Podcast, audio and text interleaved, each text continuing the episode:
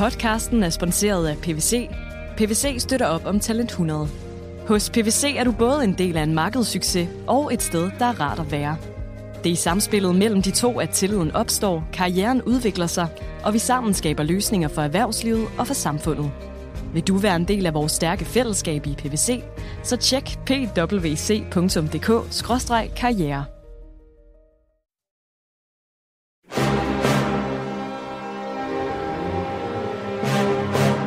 Velkommen til programmet Hitlers Æseløer, et program om bøger om den anden verdenskrig. Mit navn er Jan Cordua.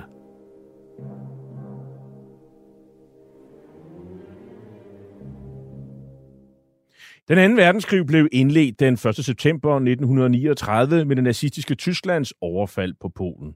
Der var tale om en racistisk erobringskrig, der kostede mellem 55 og 70 millioner mennesker livet, og hvor nazisterne systematisk myrdede jøder, romager, slaviske befolkningsgrupper, politiske modstandere og alle andre, der ikke passede ind i deres forestillinger om et ensartet folkefællesskab.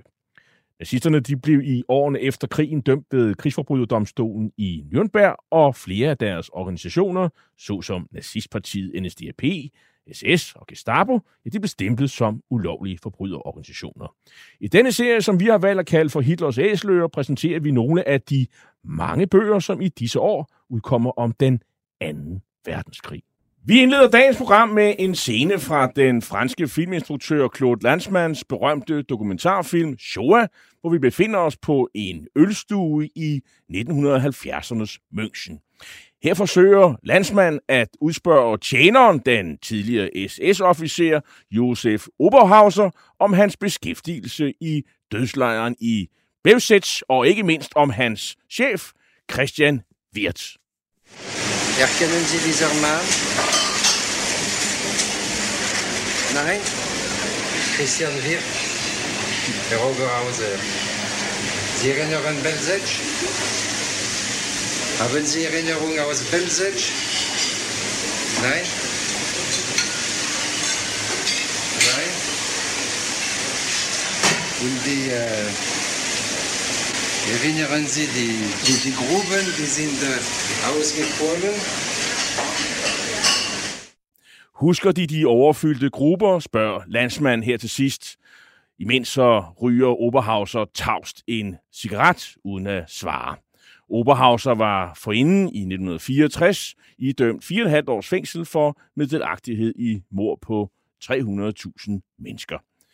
I mængden af nazistiske krigsforbrydere er der meget få, der i brutalitet og ondskab når op på siden af Oberhausers chef, politimanden fra Stuttgart, Christian Wirt. Men han havde også andre egenskaber. Wirt var nemlig manden, der på en eller anden led effektiviserede hele det der med at myrde mennesker, primært jøder, men også andre, som de ledende nazister mente måtte skaffe sig vejen for at kunne realisere deres vision om et levedygtigt Tyskland. I en ny bog, Christian den Grusomme, der er udkommet på Gads Forlag, har denne næsten uden for kategori ekstremt hensynsløse forbrydere mod menneskeheden blevet beskrevet i en biografi, der beskriver nogle af de ufattelige forbrydelser, mere end 1,7 millioner menneskers død, som han havde en meget direkte og særdeles aktiv andel i. Forfatteren til biografien om Christian Wirth, ja, han hedder Anders Otte Stensager. Han er øh, arkeolog og forfatter til flere bøger om nazisternes forbrydelser. Han har for eksempel tidligere skrevet en biografi om Treblinkas lejrkommandant Frans Stangel, som vi tidligere har behandlet i et program, men han har også skrevet bøger om Auschwitz-lægen Josef Mengele og Ravensbrück, der var en koncentrationslejr for kvinder. Velkommen tilbage til programmet, Anders. Mange tak. Tak for invitationen. Lad mig nu først nævne, at uh, bogen om Christian Wirth uh, I også fik uh, flotte roser med på vejen. I en anmeldelse i Berneske gav øh, vores egen anmelder, Ben Blytnikov, bogen hele seks stjerner. Også tillykke med det. Øh, hvorfor har du skrevet den her bog om øh, Christian Wirt, der jo ligesom kom i kølvandet på øh, bogen om øh, Frans øh, Stangel? Hvorfor er han så vigtig og interessant en person, øh, så du, du også måtte skrive en biografi om ham? Jamen, det kom sådan set, da jeg arbejdede med Frans Stangen. Øh, det var jo flere år et projekt. Så kunne jeg jo godt se, der var jo faktisk ikke rigtig skrevet særlig meget om, om øh, Stangens overordnede Christian Wirt, som jo er organisatoren af hele udryddelsesapparatet, når vi snakker de tre aktioner, Reinhardt udryddelseslejr. Det ved det kommer vi tilbage til. Og det undrede mig egentlig lidt, så jeg begyndte allerede på det tidspunkt at indsamle noget kildemateriale for at finde ud af, jamen, hvem var han egentlig? Hvad er han, hvem var, hvor kom han fra? Hvad var hans person? Hvad var egentlig hans rolle dybest set i hele det her apparat? Og hvordan ledede og dirigerede han rent faktisk det her udryddelses eller massemord, som, som vi jo blev vidne til her, i, og som vi også beskriver i bogen her også. Så det var egentlig derfra, at øh, jeg rent faktisk fik interessen for manden. Og det førte så til denne her, om end ikke store biografi, så er der alligevel en biografi, som jeg ser det som er en af de første i hvert fald, og ikke på dansk, øh, om netop Christian Wirth.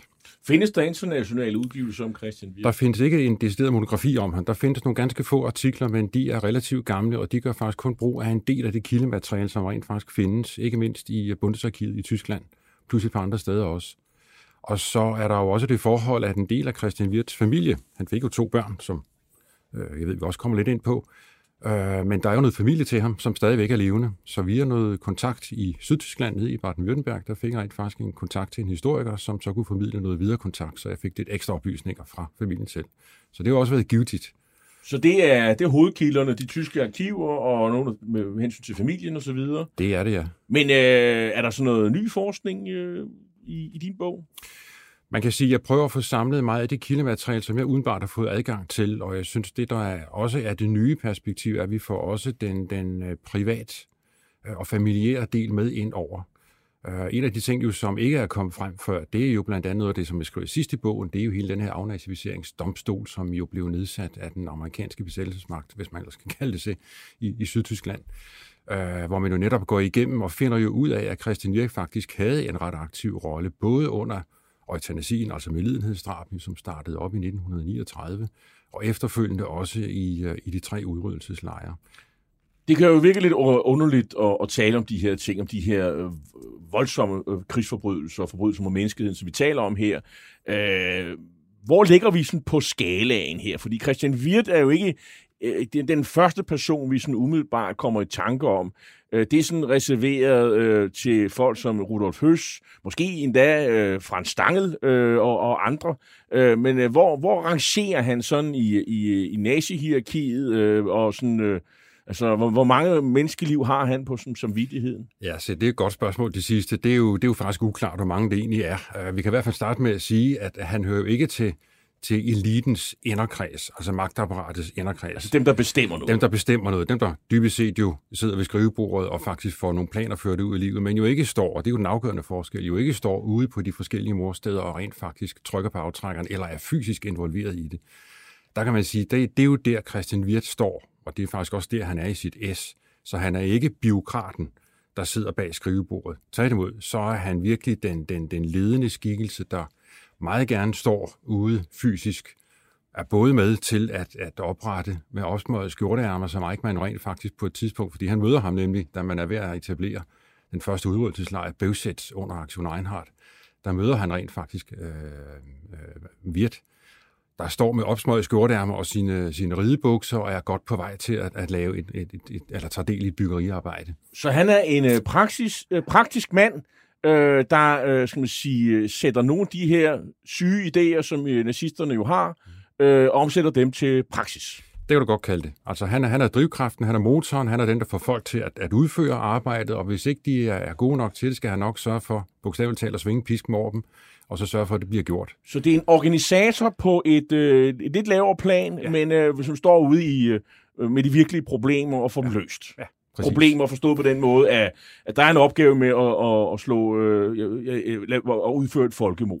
Det kan du sige. Altså, vi kan godt kalde det en form for krisemanager. Altså, han er manageren, han er organisatoren, og han skal nok få løst de problemer, der er. Og i hvert fald også få sørge for at få hele, og det er jo egentlig også det, der er han, hans, hans hoved. Og desværre for øh, rigtig mange mennesker, så er han ret god til det. Han er ret god til det. Han er jo særdeles effektivt. Han er jo også øh, et, en, en, et produkt af hele det her medlidenheds øh, morprogram, altså eutanasien, hvor han var med allerede fra starten af, allerede til de første prøvegastninger, så han ved ligesom, hvad er det, der skal ske. Så han er jo allerede på, på forhånd jo godt skolet, tager den viden med sig, når vi kommer ind til, til, til lejrene i Polen, og det får han simpelthen effektiviseret. Det var ligesom en introduktion til, hvorfor øh, vi skal bruge tid på at tale øh, om ham her den næste times tid. Christian Wirt, han øh, bliver født den 24. november i 1885 i Oberbalsheim, og, øh, og det er et sted i øh, Württemberg, Sydtyskland. Det er rigtigt, vi er nede i Baden-Württemberg, faktisk på grænsen til Bayern, men det er jo en meget, meget lille flække selv den dag i dag. Altså på daværende tidspunkt, i slutningen af 30'erne, så er det jo en lille by med omkring 400 indbyggere hvor de fleste af dem lever af noget skovdrift og tømmer og den slags ting, og det er faktisk også det, hans far har, har, har levet af. Og øh, ligesom så mange andre, så er han jo værnepligtig og gør tjeneste ved militæret allerede i 1905 til, til 7, og, og så blev han også underofficer øh, senere hen øh, fra 8 til 10, og, øh, og så kommer han ind i øh, ordenspolitiet i, i Stuttgart, som er ligesom den store by, det er det jo stadigvæk, mm. i Baden-Württemberg, og da Første Verdenskrig bryder ud, så melder han sig frivilligt, det som så mange andre tyskere. Øh, han deltager i nogle af de blodigste slag på Vestfronten, bliver tildelt øh, øh blandt andet jernkorset af første klasse.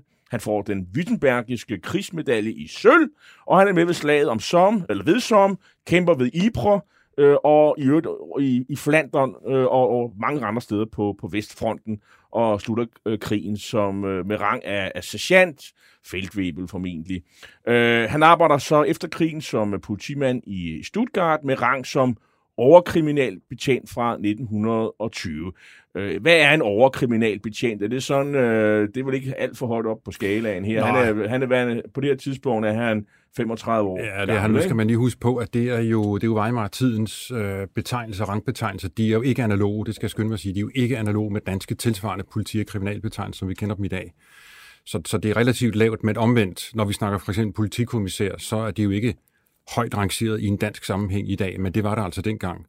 Der skal så dertil sige, at i 1933 så omformer øh, det nye styre jo fuldstændig rangbeskrivelserne inden for os politiet, så der får det også en højere klassificering. Så på det tidspunkt her, der er han relativt, kan man så sige, øh, lavt rangeret i, i hierarkiet. Er det sådan øh, på mellemniveau, lidt under mellemniveau? Er det sådan det omkring? Ja, det er sikkert det omkring, ja.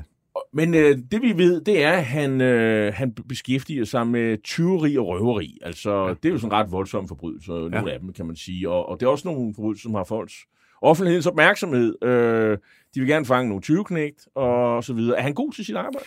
Ja, det er han, og det vil skylder også lige at sige, at han er faktisk også med til nogle af de lidt større morgåder på, på, i samtiden der. Der er faktisk nogle, i hvert fald nede omkring øh, Stuttgart er der blandt andet en masse morder, der har begået mellem 5 og 6 mord, og det er han faktisk en af drivkræfterne bag til at opklare. Så han er faktisk rigtig god til sit arbejde. Det beskrives rent faktisk også en del af det kildemateriale, der, er, øh, der ligger på ham fra, fra ordenspolitiet og kriminalpolitiet, at han er særdeles effektiv, han er meget nidkær, øh, omhyggelig og meget, meget øh, ivrig. Så det er sådan lidt de, de der gode fordomme om, øh, om tyskere som effektive, som virkelig dedikeret til deres arbejde og så videre. Det, det passer han sådan meget godt ind i den der Det kan man godt sige, fordom. det passer han meget godt ind i den fordom, ja. Grundlighed og så videre. Ja, det må man sige. Øh, men han er jo også øh, politisk interesseret, og, og så mange af de her hjemvendte frontsoldater, og så, der, der er sådan lidt... Øh, til højre i, i billedet, så, øh, så melder han sig faktisk øh, ind i NSDAP ret tidligt, altså i, i, i 1921. Hvorfor gør han det? Ved man det? Nej, det må jeg sige, det, det ved jeg faktisk ikke. Jeg har ikke fundet noget specifikt i kildemateriale, der fortæller hvorfor. Men, men som du selv er inde på, mange af dem, der var tidligere frontkæmper, søger jo netop over i de mere højre radikale miljøer på det tidspunkt, og, og danner og, og også øh, i, i forskellige frontkæmperforbund, som jo har en, en mere højre radikal national indstilling. Øh, Øh, og måske også mangel er bedre, fordi det er der, de kan finde et fællesskab. Nu kan man sige, at Virt er jo lidt heldig, fordi efter han bliver, øh, bliver fritaget fra tjeneste, når han kommer hjem fra, fra verdenskrigen, øh, så kan han faktisk få lov til at genoptage sit arbejde i ordenspolitiet. Det var der jo mange, der rigtig øh, virkelig ikke kunne, eller havde mulighed for at, at komme tilbage til deres arbejde. I hele taget bare at finde, det, finde et arbejde. Så der er han jo faktisk rigtig heldig øh, og, og formå at komme tilbage til sit, øh, sit arbejde der. Men man kan jo allerede se med hans stilling, altså når han tilhører det der småborgerskab, øh, er der noget andet i hans sådan sige, familiære baggrund, der ligesom kunne indikere, at øh, han er, har den der småborgerlige baggrund? Øh? Nej, det, det vil jeg ikke sige. Altså, man, man, jeg synes, man skal holde sig lidt for øje, at han kommer jo ud af en meget stor børnerig familie. Altså, det er jo på hans tidspunkt, så, at, hvor han bliver født, der er der jo hele 11 søskende rent faktisk, og det er jo en stor børneflok, men en stor del af dem desværre dør allerede som spæde. Så han har jo virkelig oplevet allerede som barn, at, at, øh, at, at familiemedlemmer, de falder fra. Så, så der er jo noget der ligger et eller andet, om jeg så må sige, til grund for måske hans, hans senere måde at agere på og adfærd på. Han har jo set dødelighed ret tidligt. Men og så har han jo haft fire år på, på, som fronttjeneste og blevet såret. Han er, ligesom så mange andre i sin generation, jo også forrådet. Det har oplevet voldsomme ting. Det må man sige. Det er han. Altså, det, det, det er der ingen tvivl om. Han melder sig øh, ind i NSDAP, men han melder sig også ud igen øh, allerede i 1923. Øh, han er sådan lige inde og snuse, fordi så har der været det her ølstuekup nede i har der, og så bliver partiet jo også forbudt, så han melder sig over i det tysk nationale øh, parti i stedet for, som jo er et, et mere kejsertro parti, men det ligger derude på højrefløjen. Og det er jo det parti, som bliver ledet af ham her avisudgiveren Alfred Hugenberg, øh, og, og som er jo faktisk med til at få Hitler til magten til sidst i 1933, og så blev det så i øvrigt øh, opløst, ligesom alle andre partier, og opslug sig. Men han er altså herude på det her tysk nationale øh, øh, hold, kan man sige, hvor man ligesom konkurrerer med nazisterne om magten. Men de har jo så, NSDAP, jo en skikkelse, der er jo noget mere karismatisk end, øh, en redaktør, eller ham her avisudgiveren, øh, Hugenberg, øh, og ham skal vi høre øh, nu. 14 Jahre lang haben diese Parteien die deutsche Freiheit vergewaltigt, den deutschen Menschen geknebelt und geschlagen. Zwei oder drei Monate vergangen sind, wird euer Terror beseitigt sein. So wahr wir Freiheit Ja, som alle kan høre, så er det Adolf Hitler, der er jo i, i valgkamp. Øh, men altså her i, øh, i valgkampen i juli 1932, det er sådan set der, hvor NSDAP får det helt store gennembrud. Mm. De bliver det største parti. Der er jo rigsdagsvalg stort set øh, hele tiden, øh, også i 1932. For inden den 11. januar 1931, altså, og det vil sige sådan lige godt to år før magtovertagelsen, der har Wirt øh, faktisk meldt sig ind i NSDAP. Han har altså droppet de der tysk-nationale, formentlig fornemmet, at det er nok dem, der kommer til at vinde det her, og han får et øh, medlemsnummer, der hedder 420.383. Det er jo ikke et lavt øh, partinummer. Han skulle nok have blevet, så har han jo virkelig været en af de der alterkæmper, som virkelig havde stor status inde i nazistpartiet. Han øh, melder sig også ind i SA, øh, men det er så efter magtovertagelsen, det gør, sker i juni 1933, så han er jo øh, ligesom som politimand har han måske også ho- følt sig for fint til at rende rundt og deltage i, øh, i øh, gadekampe og sådan noget, som SA jo øh, var det, man brugte dem til. Mm. Ved magtovertagelsen i januar 33, der er han kriminalinspektør i politiet, og han er fagligt aktiv i politiforbundet og medvirker til udrensning efter 30. januar 33. Det er jo ligesom der, han sådan politisk begynder sådan at røre på sig, og hvad, hvad er det, han foretager Jamen, Ja, men det er rigtigt. Han begynder jo at blive politisk aktiv, blandt andet i politiforbundet, øh, hvor han jo faktisk er med til, som du selv siger, at rense ud i den daværende bestyrelse, øh, som bliver anklaget for at være for marxistisk, simpelthen. Øh, og der er ingen tvivl om, vi har jo selvfølgelig set skriften på væggen der, at, at hvis man skal frem her, og man skal opnå noget, vel og mærke også presset af, af nogle af de, de kommunale partispidser, så er der ingen tvivl om, at så skal vi også kigge på, hvordan det her forbund det rent faktisk ser ud. Så der er han rent faktisk med til at, at øh, presse ved ekstraordinær generalforsamling nogle af de såkaldte marxistiske elementer ud, så man kan få indsluset et, et mere, hvad kan vi godt kalde det, nazistisk lojalt eller en NSDAP-lojalt øh, bestyrelse i stedet for. Der er han jo også selv med. Han melder sig jo faktisk også selv til at, at stille op i bestyrelsen. Og han er også senere hen blevet også anklaget for ligesom at tvinge sine fagfælder i politiet til Ja, at tilslutte sig det- NSDAP. Og han er jo ikke sådan øh, med, han, øh, kan man sige, han er ikke den der type, hvor han sådan prøver at overbevise folk med argumenter. Ej, det, det er rigtigt. Der er efterfølgende, det, og det er noget, der kommer frem efter krigen, blandt andet i forbindelse med en afnazificeringsdomstol, som jeg talte om før, fordi der er der rent faktisk nogle af hans tidligere kollegaer, der udtaler sig om ham. Og der kommer det helt klart frem for flere af dem, at han gik jo simpelthen rundt på det tidspunkt og pressede øh, politifolk og kriminalfolk til, at de skulle melde sig ind i NSDAP, hvis de overhovedet skulle gøre sig noget håb om at fortsætte i tjenesten her. Så der begynder hans, om jeg så må sige, hans sande ansigt jo også at komme lidt frem her. Altså det, det er Han de hårdt slå- dem. Han tror dem simpelthen. Det er hårdt slående argumenter. Altså hvis ikke du er med her, så må du melde dig ud, så skal du bare ikke være her.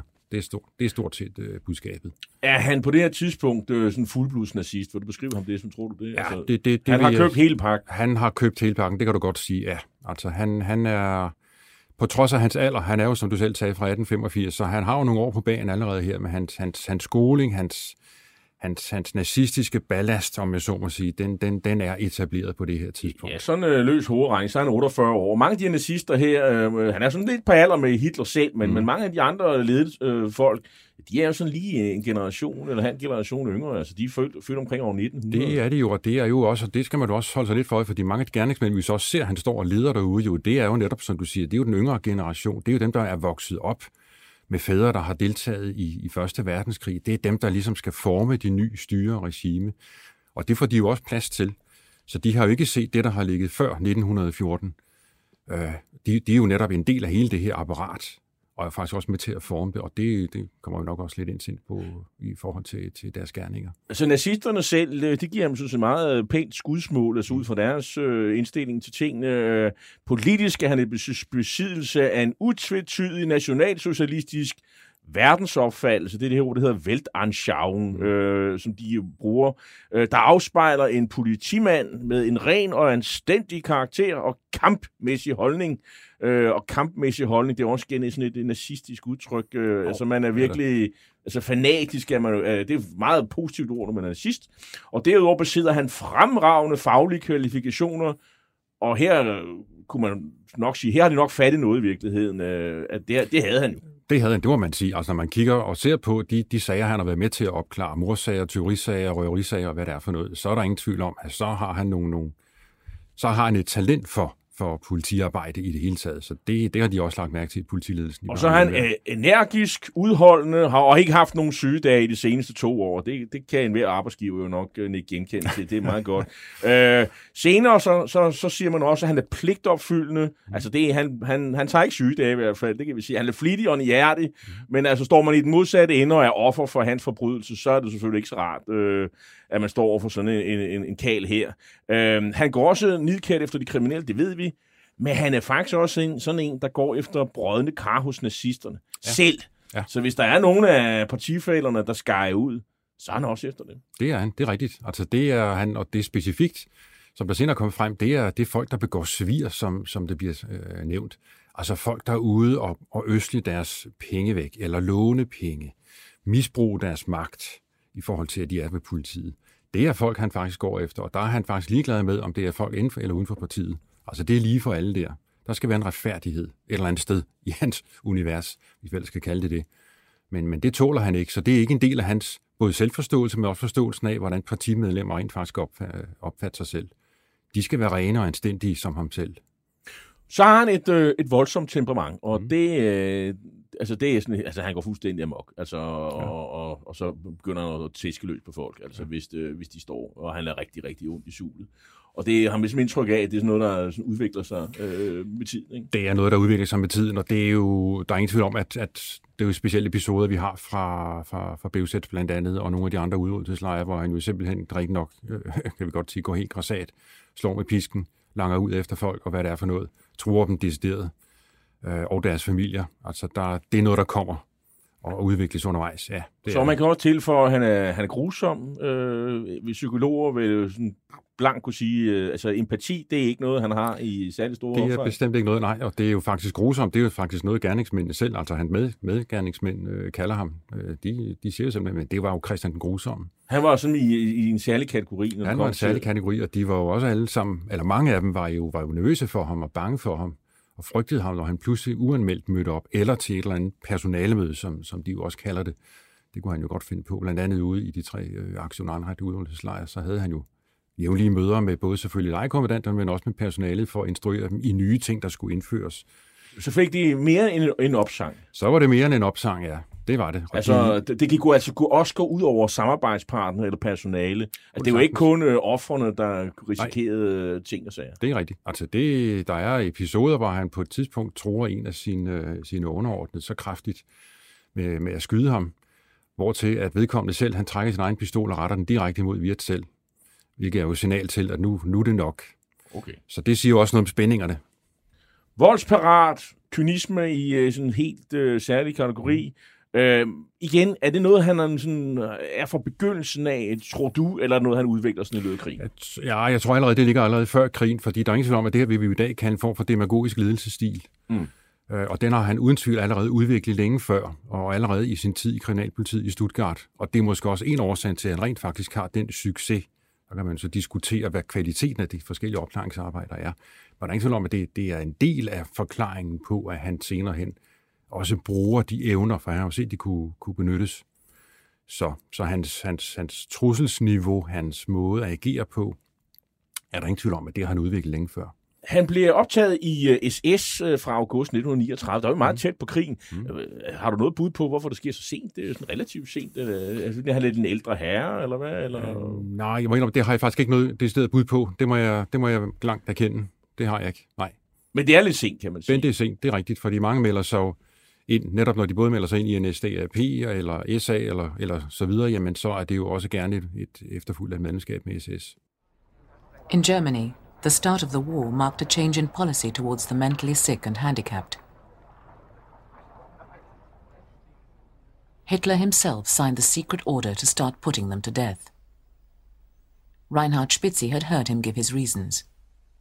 He said, Why should we spend money for a fool, for a hopeless, ill person, if I can do with the same money so much good for a poor peasant's kid? Ja, vi hører SS-officeren Reinhard Spitzi, og øh, han fortæller efter krigen, hvor han citerer Hitler, og grund til, at, at Spitz er interessant, det er, fordi han var personlig assistent for udenrigsministeren øh, Joachim von Ribbentrop. Så han kom faktisk meget i cirkler omkring Hitler.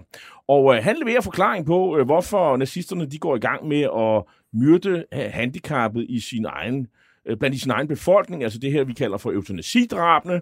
Øh, det er, han siger det, han citerer Hitler for at have sagt, at det er spil af penge at holde liv i fjolser og håbløst syge personer, når man nu kunne hjælpe fattige bondedrenge i, i stedet. Og øh, vi har tidligere et andet program været meget inde på eutanasidrabene, øh, men øh, opgaven med at føre Hitlers idé ud af livet, øh, der er også andre omkring ham, der får den her idé, det er jo så noget, som Christian Witt jo gerne vil øh, hjælpe med. Øh, og hvordan kommer han sådan ind i det her eutanasiprogram? Ja, det er faktisk også lidt en gåde, fordi jeg har faktisk prøvet at lede med lys og lygte efter en link mellem han er ved kriminalpolitiet, og pludselig bliver involveret i eutanasidrabene. Nu kan man sige, en, en, en større gruppe af dem, der rent faktisk bliver rekrutteret til det her program, de bliver rent faktisk også hentet fra, fra kriminalpolitiet. Så, så det giver god mening. Men at lige netop skal være ham, der skal føres ind, og allerede fra starten af, oven købe være med til de første prøvegasninger, man udfører i tugthuset i Brandenburg, det, det er faktisk lidt af en gåde. Det jeg kunne forestille mig i hvert fald, det er, at man øh, i og med hans hans pligtopfyldenhed, hans ivrighed og den måde, han har, lagt, øh, folk, eller han har fået øh, politiledelsen til at lægge mærke til sig i forhold til sine kriminalopgaver, det har formentlig bragt ham i front at være i spids for, at han kunne godt være en egnet kandidat til at være en af de drivende kræfter til at drive det her morapparat. Og vi ved jo, der har også været andre folk, øh, fra Stangel blandt andet, som også var øh, i politiet. Øh, ja. øh, så, så det er jo ikke sådan helt øh, mærkeligt, at man tager nogle folk, man kan stole på, som, som kan holde mund, øh, mens man får øh, myrdet de her 70.000 mennesker i alt i alt. Ja, officielt er det under det såkaldte, det vi kalder T4-program, eller, eller Aktion T4, som jo blev ledet fra, fra Tiergartenstraße 4 i Berlin den her dækorganisation, som jo via Førens kanseli jo øh, organiseret og administreret hele morarbejdet, ja.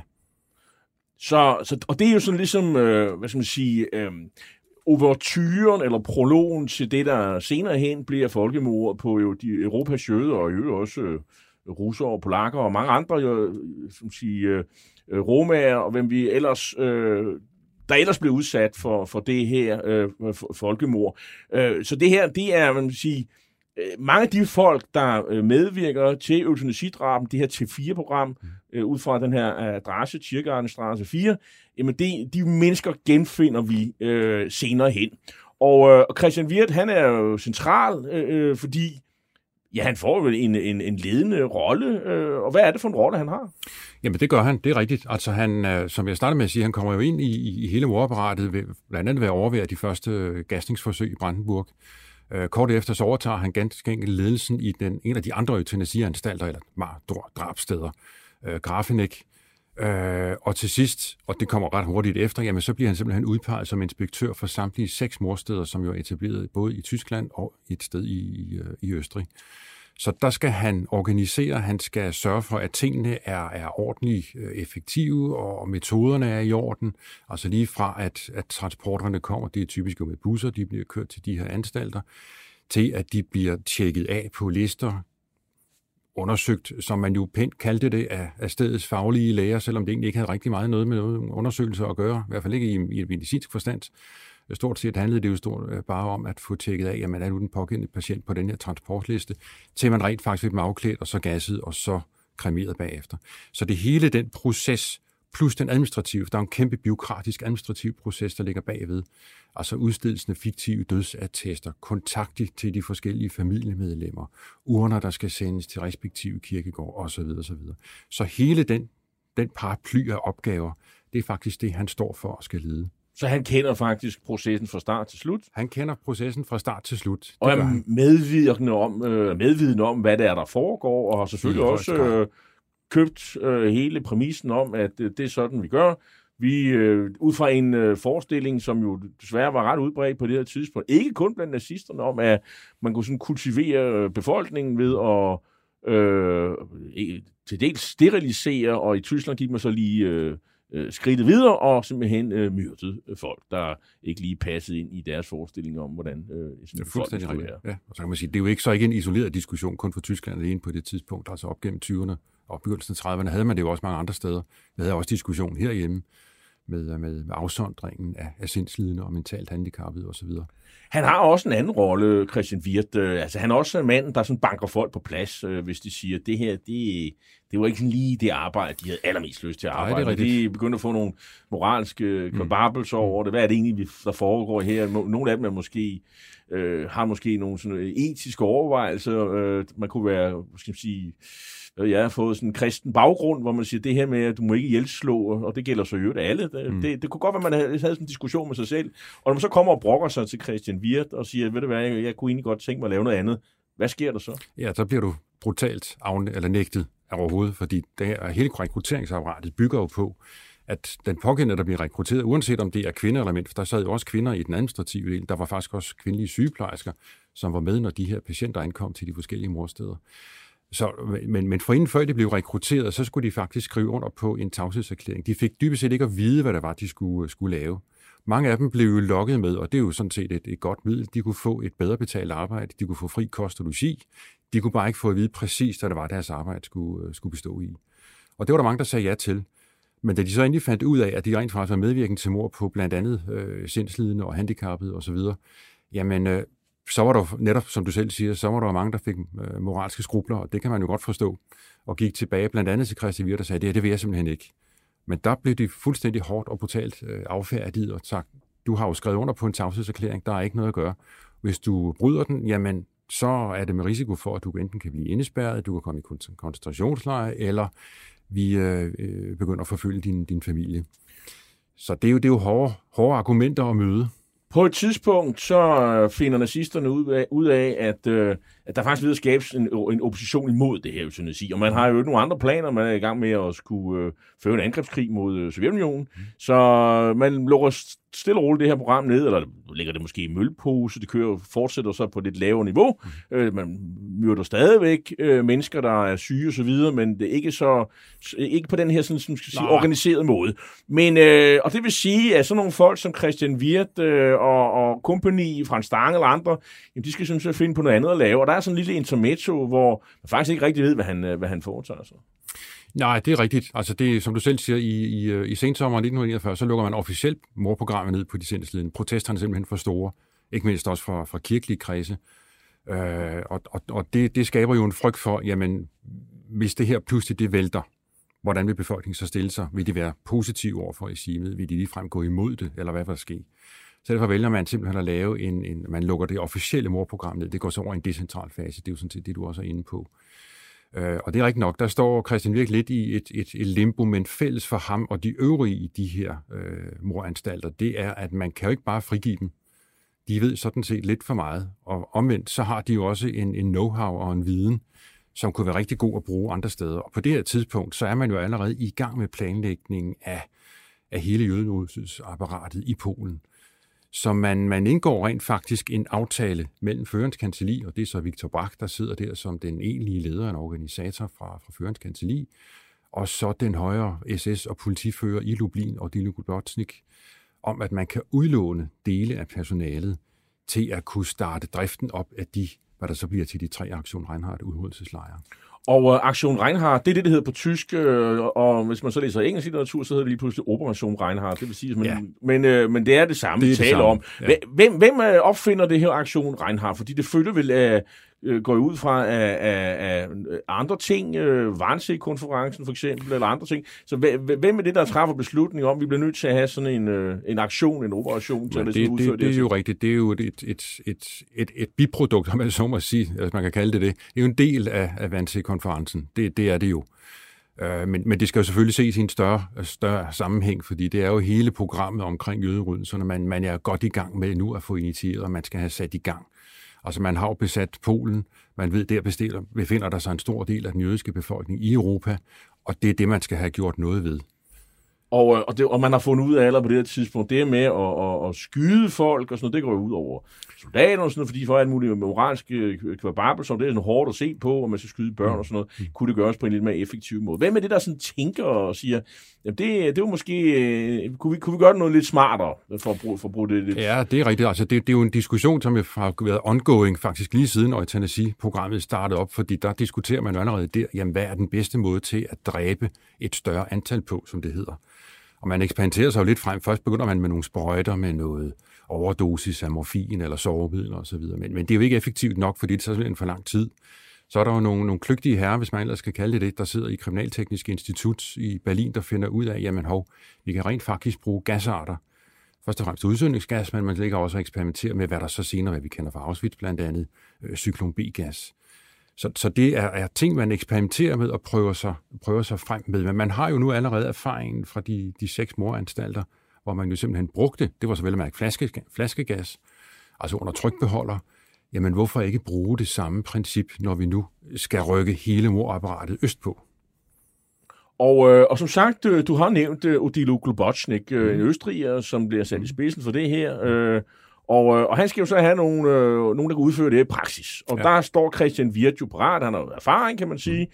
Og han er moralsk for Babel, så det er ikke noget, han øh, gør særlig meget brug af. Tværtimod, øh, han er... Han, man kunne spørge sig selv om, hvad, hvad han ville have sagt, hvis han havde stået for i en, i en, i en retssal. Så han måske været en af de folk, der havde sagt, jamen, det gik vi ind i med og gjorde med åbne øjne. Det var sådan set det, der var projektet. Øh, øh, og du kalder ham for drabsmaskineriets første mand. Ja. Det er jo meget det synes jeg er meget præcist, øh, fordi det er jo sådan, vi er jo noget teknik, det er noget med, med vi står med maskinen, mm. måske har konstrueret maskinen. Ja, dog ikke, vel og mærke, men det er rigtigt nok. Altså, han er jo, han er jo jeg vil, jeg vil kalde ham teknikeren, det vil jeg dog ikke, men altså, han er jo virkelig den, der er, er den effektive drivkraft og drivmotoren i alt det her. Han har know-howen, de cirka 120 mand, han får med sig til Polen, de skal jo drive det her morbart i de tre udryddelseslejre. Så så for at få, få det op at køre, jamen, der ved han jo også godt, jamen, de her mennesker, de er jo allerede indkørt. De ved jo godt, hvad det drejer sig om. Altså, de ved godt, hvordan det er at drive en mormaskine. De er så vel og mærke ikke klar over, hvad det er for et kæmpe morapparat, de kommer til at stå overfor. Altså, de er jo ikke klar over, at de skal til at, at, og dræbe jøder nu. Flere af dem taler jo om, jamen, er det sådan det samme program, vi skal køre over i, i Polen, altså dræbe sindslidende og lignende. Men ingen af dem har jo gjort sig den store forestilling om, at vi skal op i en langt større skala, og nu handler det ikke om sindslidende, nu handler det om jøder. Og, øh, og de her tre Aktion Reinhardt-lejre, øh, det er Bevsets, det er Sobibor, og det er Treblinka. Treblinka ligger meget tæt på, på, på Warszawa, og det er ja. der, hvor Frans Stangel han, øh, til sidst bliver kommandant og, og kører øh, køre det der. Øh, hvorimod øh, Virt Hansen starter lidt op i, i, i Bevsets, som vil, bliver vel ligesom sådan prøvelejren på, hvordan man ligesom øh, udbreder øh, skal man sige, øh, den model. Ja, det, det bliver en model for de andre lejre. Ja, det er det. Det er jo en prototype. Det kan vi godt kalde det. Altså den, øh, og den udvikler Christian Wirt? Den udvikler Christian Wirt. Altså han står selv, som jeg startede med at sige også, han står jo faktisk selv og er med til at opbygge lejren helt fra starten af øh, og sørge for at placere, jamen, hvordan skal, skal gasapparatet stå, eller gaskammerne stå, hvor skal, skal togene komme ind, osv. Og, og vi er allerede sådan i, i slutningen af 1941? Øh... Vi er i slutningen, vi er faktisk på årsskiftet der 41-42, hvor man jo får, får, får bygget den første af de her tre lejre, ja, som så bliver sat i drift endelig i marts 42. Så det vil sige, det er jo sådan øh, relativt tidligt. Man har selvfølgelig øh, øh, som sige, overfaldet Polen øh, to og et halvt år inden. Man er begyndt at myrde folk på, på Østfronten, også i Rusland osv. Men, øh, men det er først nu, man sådan begynder med, med det, som man siger, det, det her øh, industrielle massemord. Ja, altså ja, næsten vil jeg så sige, fordi vi har jo en lille, jeg vil næsten kalde det et lille intermezzo imellem der, fordi der er jo faktisk en nazisternes første udryddelseslejr, det var jo faktisk Kelno, der lå vest for Warszawa og ret tæt på både ghettoen i Lodz og, og Posen. Øh, det er så ikke i den, den centrale fase, om jeg så må sige, fordi det kommer ikke direkte fra, fra førerens kancelli, og ikke en del af det, vi kalder T4. Men der havde man jo allerede opført en lille lejr på et tidligere herresæde, øh, hvor man ved hjælp af gasbiler rent faktisk øh, aflidede folk. Så det kan man sige, det, det var også en del af en, en prøve, en testning. Og men det man siger, det vi finder i Bøvsæt, det bliver en, en, en prototype på et stationært sted. Der, der ser man, det fungerer egentlig. Det, det, skal vi videre med. Ja, præcis. Øh, og, og han, øh, så allerede det er den første måned, der kommer der altså 70.000 jøder. Ja. Øh, så det, der er jo lidt at arbejde med, om man så må sige. Det er jo, ja, det er jo, altså der, fordi øh, de, de mennesker kan jo ikke opbevares. Der er, man, altså, der er jo ikke noget, øh, de kan jo ikke bo nogen steder, der er jo ikke noget, øh, hvad skal man sige, øh, øh fødevare og så videre. Meningen er, at de skal øh, myrdes, og, og så skal de øh, begraves øh, i, i grupper, det er hensigten. Altså det er, og det er heller ikke særlig kvadratmetermæssigt, er det jo heller ikke særlig store lejre, som vi kender det fra Auschwitz eller Buchenwald, eller hvad det nu kunne være. Er det ret små lejre? Det er ret små lejre. Og hvad det, taler vi om? Jamen altså, lejearealerne er, er lidt, lidt, øh, lidt omdiskuteret, hvordan de rent faktisk skal se ud, men, men man regner med, at det er sådan noget med en 400 gange 600 øh, meter inden for, for, for, for primærområderne. Så har man så, altså typisk er de jo inddelt i tre hovedområder. Man har et ankomstområde, Øh, man har et, et afklædningsområde, og så har man også et, et rapsområde. Men det er relativt små områder.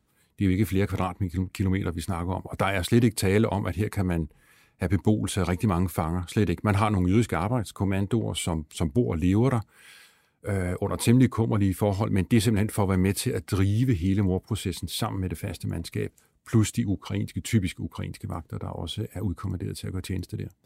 Øh, der er jo ingen grund til at skjule af Christian Wirts syn på, på jøder. Altså, mm. hvor andre, skal man sige, der overlever krigen, øh, der har været med i morapparatet, som begynder at sige, at de sætter ikke rigtig nogen specielle holdninger til jøder. Det er sådan... Pff, Mm. Altså, man, er, man har bare passet sit arbejde nærmest. Øh, så der er han jo fuldstændig klar. Altså, han, han, han betragter dem som, som øh, affald. Ja. Altså, han, det, det, det siger han jo på et tidspunkt. Det siger han fuldstændig. Der, der er tale om affald, øh, ja. som vi skal have bortskaffet, mm. øh, ligesom alt muligt andet affald. Mm. Og øh, har han altid haft det her syn på jøder, eller er det synes man udvikler hen ad vejen? Kan man gå tilbage og se øh, nej, et eller andet, det, han har udtalt det, så? Nej, det, det er der ikke. Der er ikke noget, vi, hvis vi går tilbage, hverken i kilderne eller noget, der, der siger, jamen det her, han er specielt antisemitisk. Øh, jeg tror, man skal se det over i en lidt mere bredere kontekst, og måske også lidt, lidt mere nuanceret.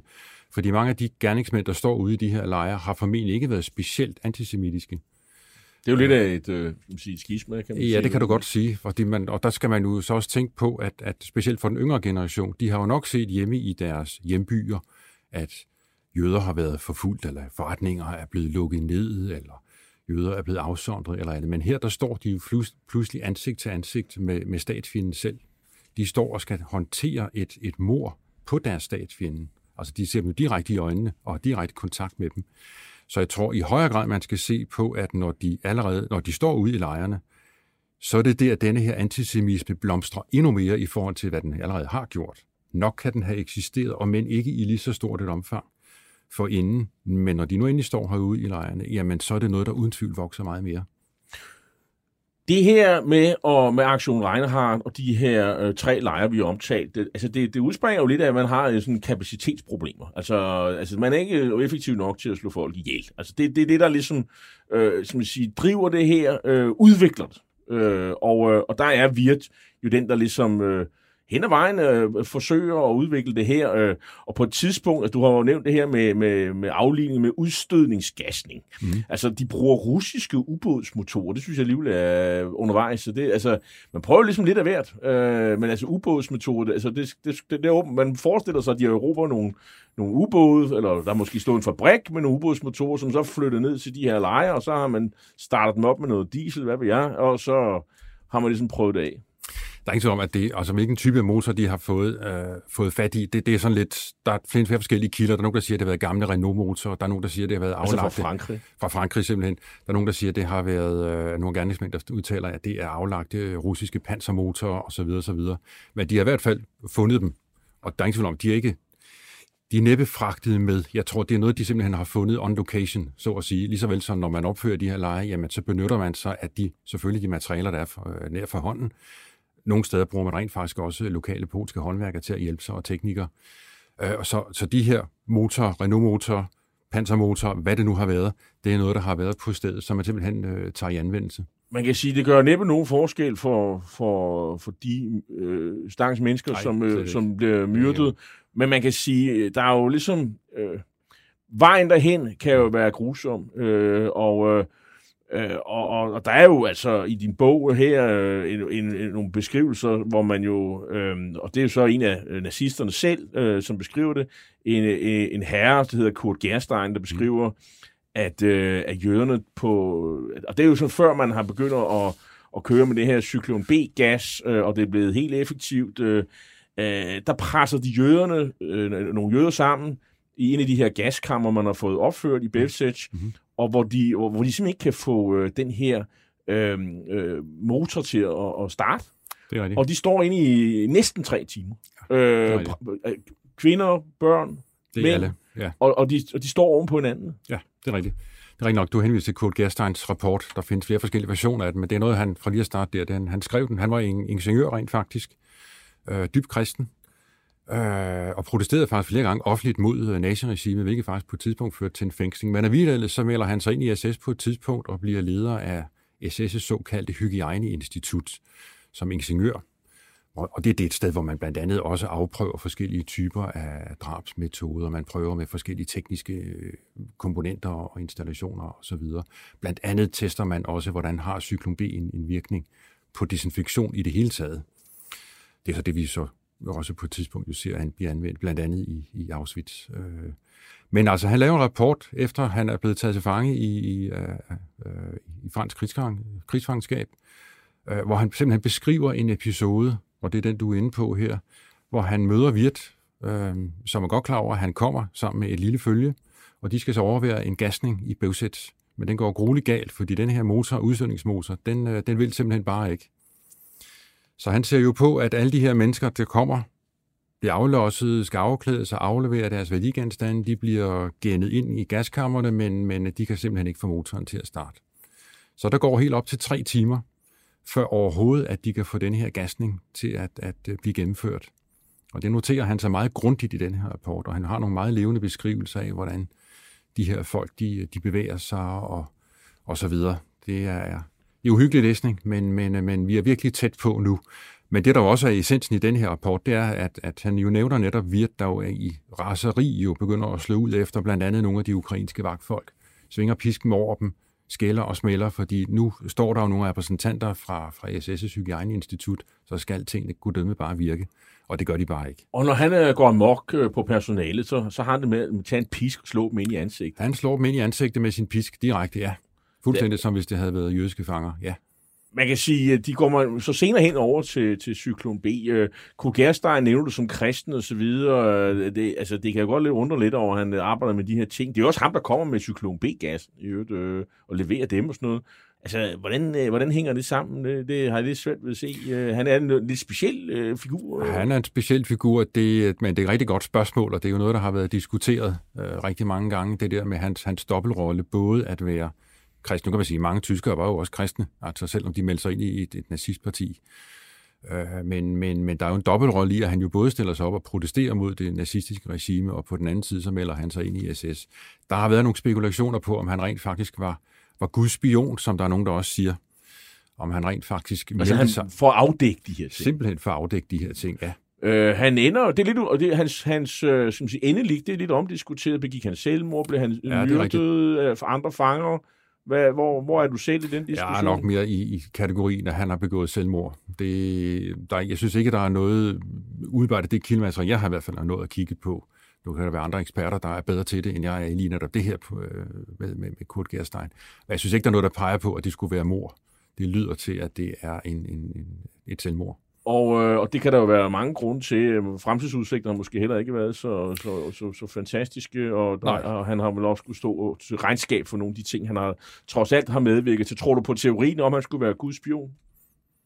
Nej. Det gør du heller ikke. Det gør jeg ikke. Formålet med at, at, at myrde jøderne, det er selvfølgelig mm. også at bestjæle dem, mm. øh, både før og efter de er døde, øh, konfiskere værdierne, guld, sølv, uger, penge, ædelstene, klippe håret af kvinderne, mm. som skal bruges til sådan noget ubåds... Isolering. Isolering.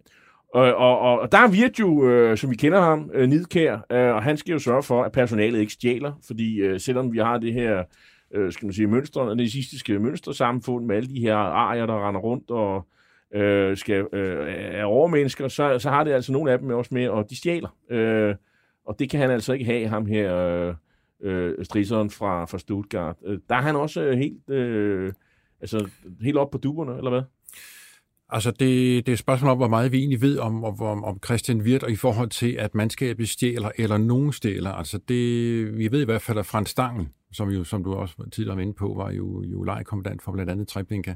Han var meget nidkær, men han var også politimand.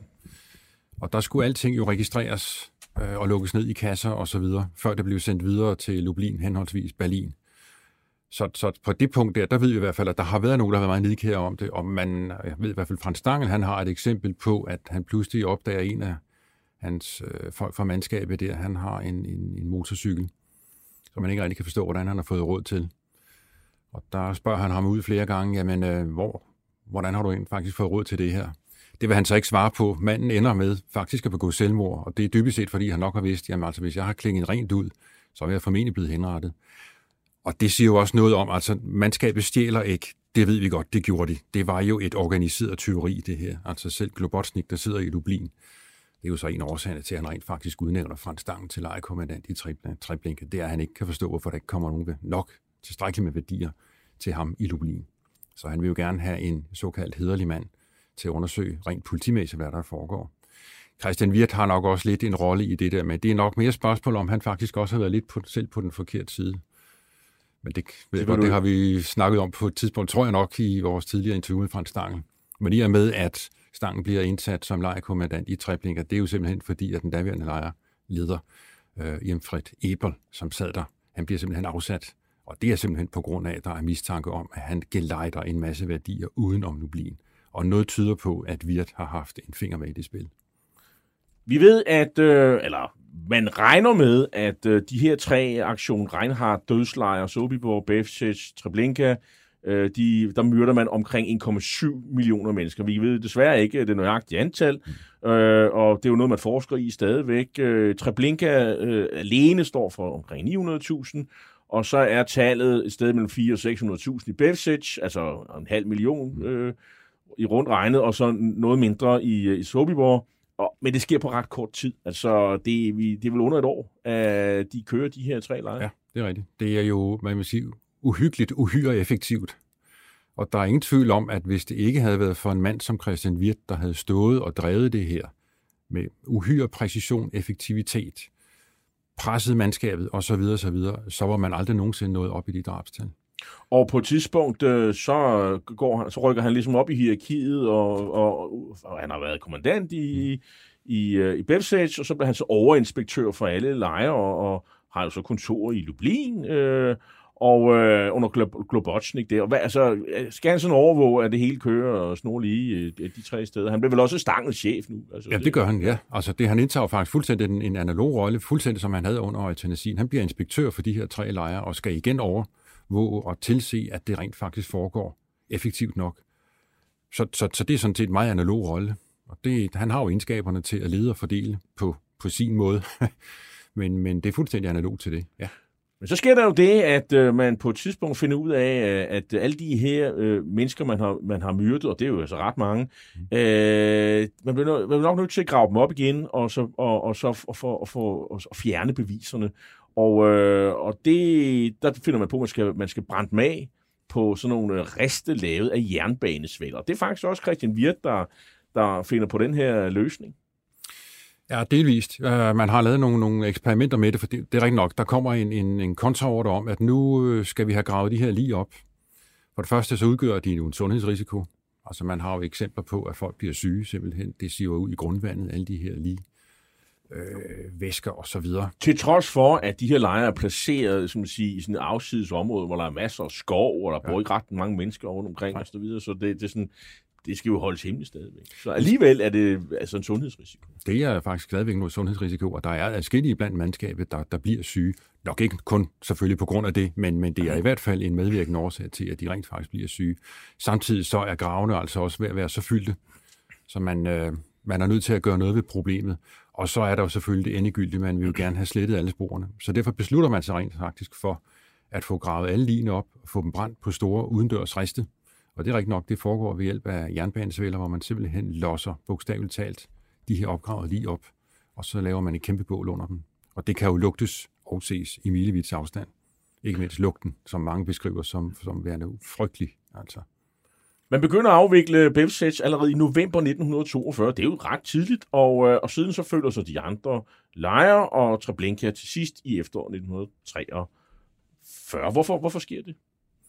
Jamen, det er, det er jo en, en konsekvens af, at, at man, øh, man skal have slettet sporene. Samtidig kan man sige, at Auschwitz overgår jo også til at tage en væsentlig større rolle i hele udryddelsesapparatet. Så, så det forklarer jo også en hel del af det. Men man tør næsten ikke stille spørgsmål, her, også fordi man har løst opgaven. Der er simpelthen ikke så mange øh, jøder, man kan, man kan myrde.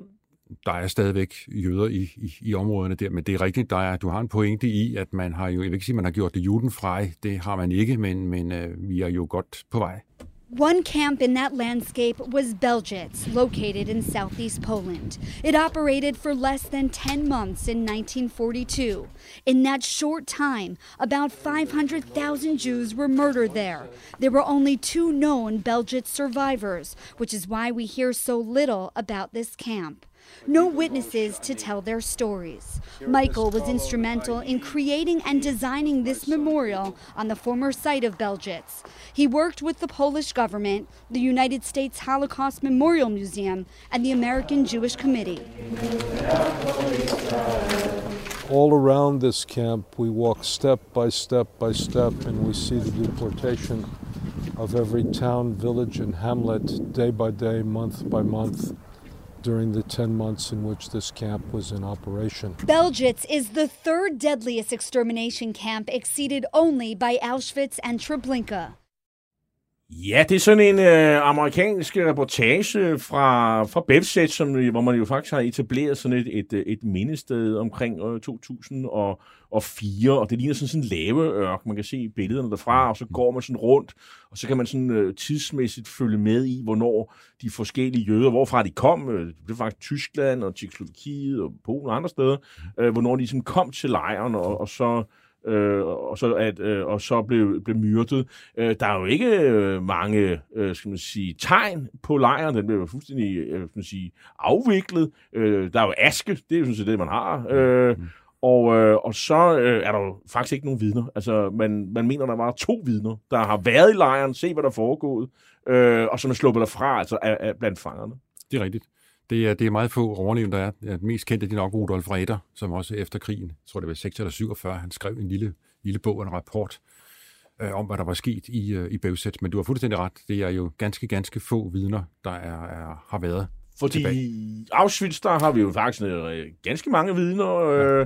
men, øh, og Treblinka også nogen, og i Sobibor, der var nogen, der flygtede osv., men, men lige præcis Belsic, ja. altså, og som, hvor, hvor, hvor virtuoseret, der var der ikke nogen, der slap. Nej, meget, meget få. I hvert fald det, man kender til. Det er du fuldstændig ret i. Men så lukker man jo øh, det hele ned, som, som vi, vi nævnte, og, øh, og hvad gør man så? Fordi øh, så har vi alle de her mennesker, der har den her meget specielle øh, kompetence. Hvad skal man nu bruge dem til? Så ved årsskiftet 1943-44, jamen der bliver Wirt øh, sammen med andre fra Aktion Reinhardt, blandt andet øh, Frans Stangel, øh, de bliver simpelthen sendt til øh, Norditalien. Øh, Wirt bliver stationeret i Triest, øh, og øh, han bliver så også inspektør for øh, tre enheder, der skal lave noget forskelligt. Hvad er det, de skal lave? Ja, det er rigtigt. Man tager hele mandskabet, efter man har, har nedlagt lejrene. De bliver simpelthen sendt til partisanbekæmpelse i Norditalien og langs øh, Adriaterhavskysten, det vil sige også i Kroatien og, og, og i det tidligere eks-Jugoslavien. Øh, og, og det med hovedsædet, det er rigtigt nok, det er Triest i en gammel risfabrik, San Saba, hvor man indretter et, et, et hovedkontor, så at sige, hvor der både er afhøringslokaler, der er fængselsceller, og man indretter rent faktisk også et krematorium. Hvad skal man bruge det til?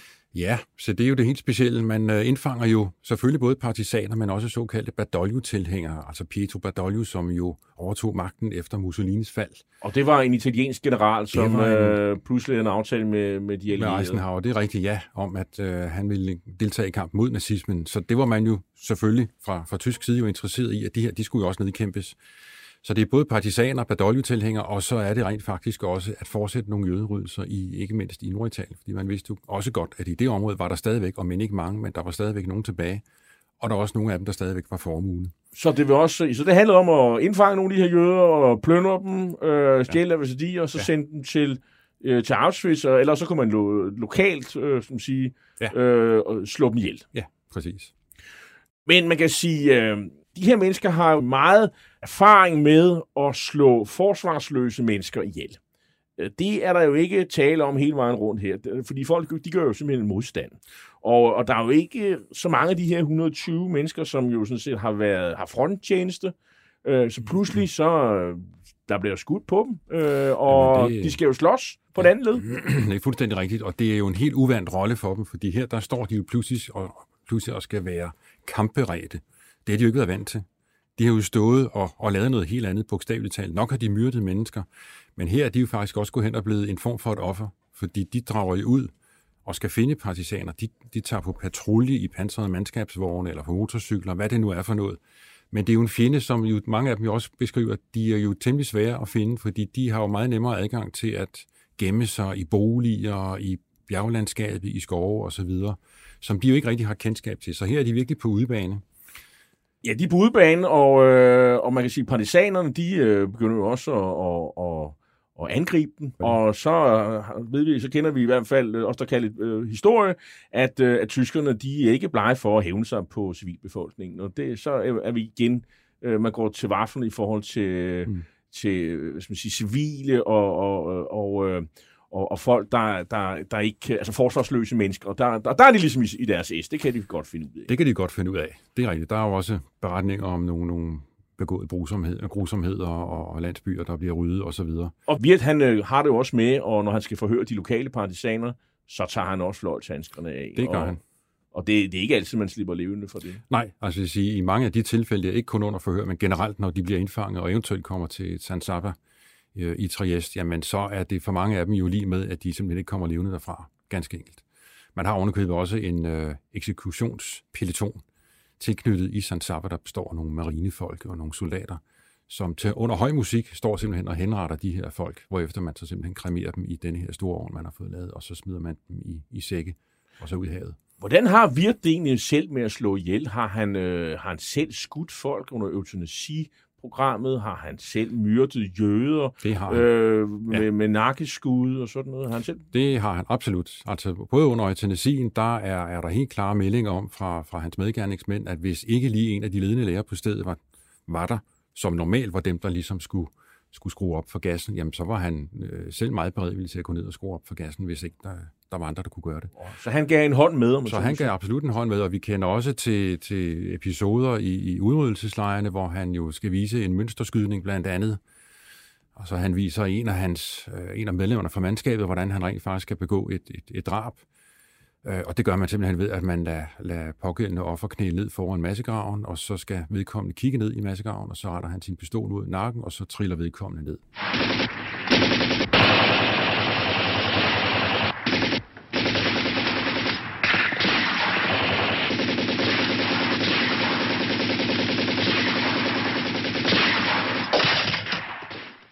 Ja, det vi hører her, det er en øh, ildkamp mellem tyskere og jugoslaviske partisaner.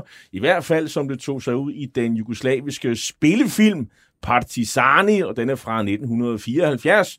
Og her til sidst, der kan vi høre, at der er en tysk soldat, han, øh, han falder om, øh, ramt af, af, af, af en partisan, der har skudt på ham. Øh, Wirt, han, øh, han dør den 26. maj 1944, 58 år gammel, og, øh, og det sker ved et, øh, et bagholdsangreb nær Triest. Det er rigtigt. Han kører faktisk fra Triest, og nu kan jeg faktisk ikke huske, om det er mod Udine, eller hvor det nu er henne, hvor en af deres andre enheder ligger, men, men på en særlig strækning, som de godt på forhånd vidste, var noget mere problematisk at køre af, fordi der tidligere havde været nogle bagholdsangreb. Der bliver han faktisk myrdet af partisaner, skudt simpelthen. Og, og det er altså netop, som vi hørte, jugoslaviske partisaner. Det, det kunne godt have lyttet som det, vi hørte lige før. Det kunne det sagtens. Det kunne det sagtens. Altså faktum er, at manden han bliver simpelthen dræbt under et bagholdsangreb.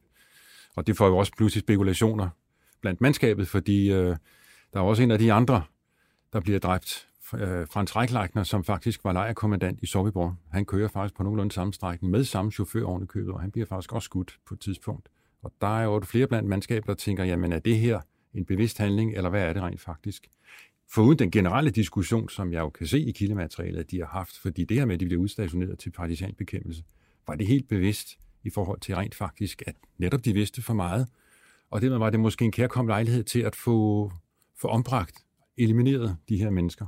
Så kunne de øh, dø på, på ærens mark, og, ja. så, og så, så behøves man ikke at, at møde dem igen, øh, for eksempel hvis der kom en, øh, et retsopgør efter krigen, hvad der, jo, hvad der jo skete, og, øh, og Virt, øh, jamen øh, man kan sige, øh, skæbnen har ligesom taget sig af ham, men der, han har jo stadig et navn, øh, som man jo øh, også interesserer sig for øh, efter krigen, hvor det jo faktisk får noget opmærksomhed allerede i 1946. Øh, der, bliver der er der en amerikansk artikel om medicinske eksperimenter, og der dukker hans navn op. Det er rigtigt, hans navn dukker op der. det viser sig så, man går selvfølgelig ned i det og undersøger, hvad er det rent faktisk, det handler om. Og det jo hænger også sammen med Nürnberg-processerne, og, og ikke mindst øh, lægeprocesserne under Nürnberg, de er, jo, de er jo også godt i gang på det tidspunkt. Så der undersøger man, jamen, hvem er, hvem er virkelig i forhold til medicinske eksperimenter, og der finder den her amerikanske undersøgelsesdomstol rent faktisk ud af, jamen det relaterer sig rent faktisk til euthanasiddrabene. Så på den måde, der begynder bolden at rulle lidt. Man interesserer sig for ham, og man prøver at finde ud af, hvad har været hans rolle i det. Og man opdager jo også, at manden har jo faktisk også været med senere hen, og det er jo så i Polen rent faktisk. Og der er det så, at man tager kontakt til, øh, til familien. Man er godt klar, at selvfølgelig manden er død. Vi kan ikke øh, lave et, et retsopgør mod manden. Vi kan ikke sætte ham for nogle dommer overhovedet. Det havde jo også været interessant, som du også selv var inde på på et tidspunkt, hvis vi kunne få ham i, i, i tale. Øh, men man indleder en undersøgelse, og det er blandt andet i forbindelse med denne her afnazificeringsdomstol, at man så simpelthen afhører både hans, øh, hans børn og hans hustru. Og man beslaglægger rent faktisk også hustruens hus og en del af den formue, som er i hans bank. Så det har jo sådan noget betydning for familien, at det, man får de her ting afklaret og så videre. Det må man sige. Men der får det jo sådan et meget heldigt øh, som siger, øh, forløb for dem sidst. Ja, for familien, det må man jo sige, at mærkværdige årsager, det vil jeg godt tillade mig at sige, så lykkedes det rent faktisk øh, hans hustru via en øh, advokat at få underkendt, at, at Virt har været en af de har været en, en, øh, en man kan vi godt kalde det topnazist, eller i hvert fald en nazist, hvor man skulle, skulle sætte særlige forhold. En drivende kraft i, drivende kraft, ja. i, i, i, i mordet på Europas jøder, afgørende krumtap. Ja, man forholder sig ikke så meget til den del, vel at mærke, men det er mere i forhold til, hvor er han henne på, på nazistskalaen, det er mm. egentlig det, vi godt kan kalde det. og, og der, der er han underordnet. Og der er han underordnet, ja, fordi man indhenter rent faktisk nogle øh, forklaringer, blandt andet fra tidligere politifolk, kollegaer til ham og nogle sekretærer og naboer, de taler jo alle sammen pænt om ham.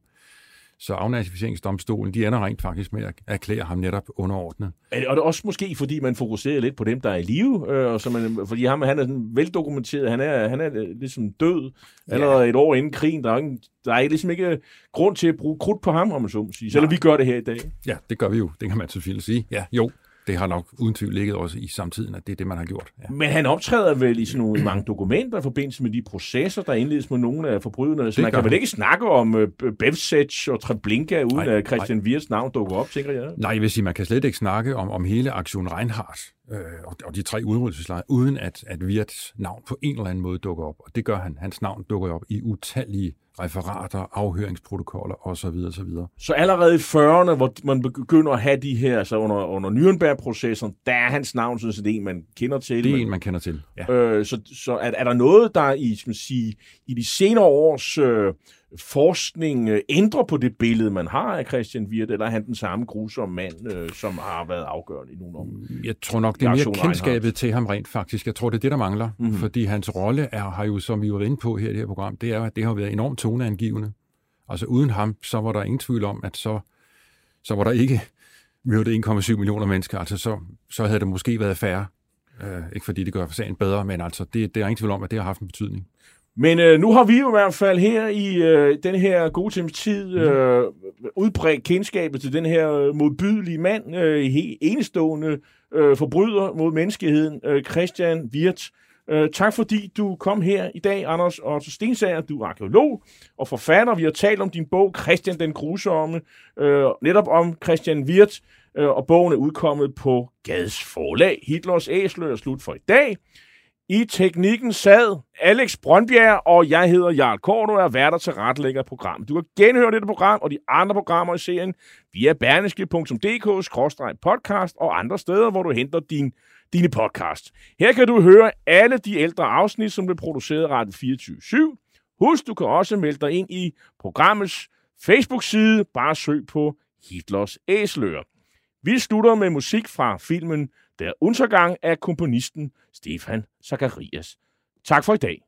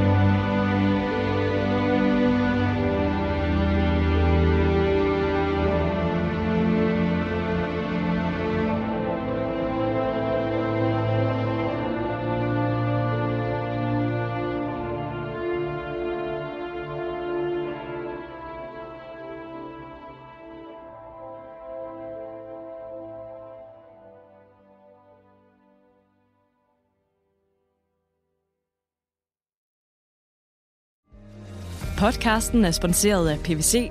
PVC støtter op om Talent 100. Hos PVC er du både en del af en markedssucces og et sted, der er rart at være. Det er i samspillet mellem de to, at tilliden opstår, karrieren udvikler sig, og vi sammen skaber løsninger for erhvervslivet og for samfundet. Vil du være en del af vores stærke fællesskab i PVC, så tjek pwc.dk-karriere.